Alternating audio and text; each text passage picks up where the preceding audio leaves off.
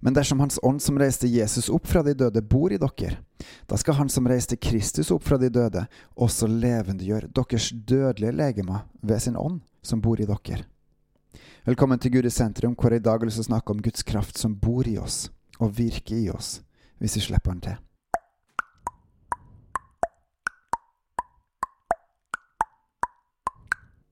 Litt tidligere i uka så hadde jeg en lunsjprat med noen, og vi satt og prata om avhengighet.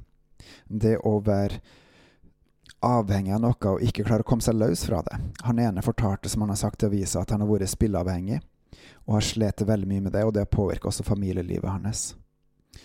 Og under den praten så begynte jeg også å tenke på går det an å trekke noen paralleller til troslivet her.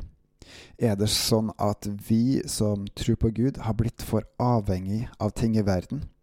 Og det hindrer oss fra å tilbe Gud og gi Gud den æren han skal ha, og gi Gud alt det andre han skal ha. Det står i Johannes 14 at eh, om noen elsker meg, da holder han fast på mitt ord, og min far skal elske han, og vi skal komme til han og ta bolig hos han. Og som vi leste i sted i Romerne 8, så bor jo Den hellige ånd i oss. Hvorfor ser vi da så lite av den krafta, Guds kraft, i oss, hos oss kristne her i Vesten i Norge? Det er jo den samme krafta som reiste Jesus opp fra de døde. Ikke fra døden, men de døde. Den krafta bor i oss. Da burde vi se mer av det i dag. Romerne 7 får fram litt av den fortvilelsen her, fordi at den snakker om den kampen som er inni oss mellom vår kropp og det som er fra ånden. Det jeg vil, det gjør jeg ikke, er vel oppsummeringa. Jeg skjønner ikke det jeg gjør, for det jeg vil, det gjør jeg ikke. Og så går han inn på å fortelle at det, det, det, er ikke jeg som gjør det, men det er rett og slett synden som bor i meg, som gjør det. Fordi synden hersker over min kropp. For viljen har jeg, men eh, å gjøre det gode, det makter jeg ikke i meg sjøl. Så Paulus sier at jeg finner den lov i meg, jeg som vil gjøre det gode, at det onde ligger meg for hånda, at det er naturlig for meg. Og så roper han ut i frustrasjon, hvem skal fri meg fra dette dødens legeme? I Jakob 4 står det, vet dere ikke at vennskap med verden er fiendskap mot Gud? Den som vil være verdens venn, blir Guds fiende. Vi er altså kalt til å ikke følge verden, men til å følge Gud. Vi skal ikke leve av verden, vi skal leve i verden, for Gud.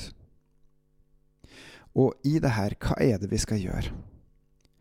1. Johannes 3 eh, er vel det, den plassen som mest konkret drar fram hva er loven, hva er Nytestamenteloven. Vi skal jo ikke følge Gammeltestamentloven, men hva er Nytestamenteloven?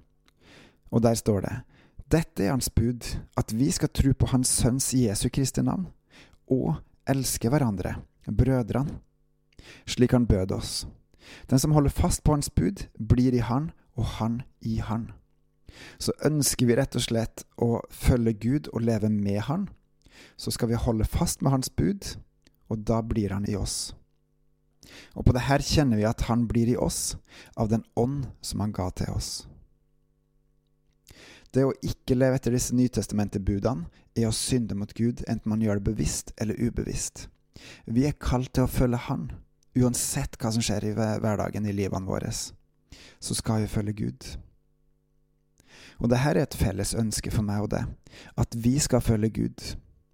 Og Guds kraft den er så stor, og Guds nåde den er så stor, at han gir den til hver og en som vil ha. Og man kan tenke hvem er det som klarer det her?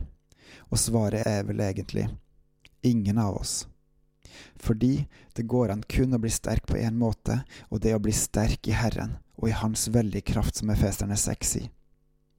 I oss sjøl så klarer vi det ikke, men i Guds nåde så er det mulig.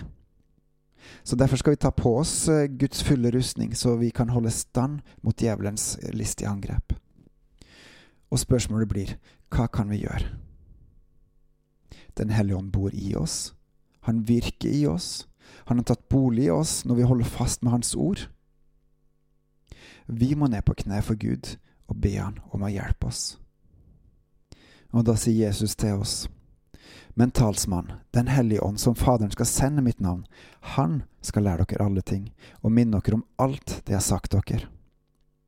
Fred etterlater jeg dere, min fred gir jeg dere, ikke som verden gir, gir jeg dere, men hans sin fred.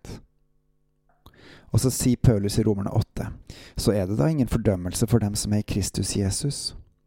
For livets ånds lov har Kristus Jesus frigjort meg fra syndens og dødens lov.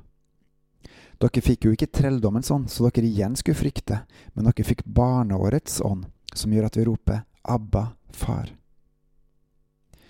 Gud elsker oss. Vi elsker Gud, og han lar sin ånd bo i oss. Derfor, ned på kne, tilbe Gud, og tilby det, og følge Han. Og Han skal virke i det. På gjenhør.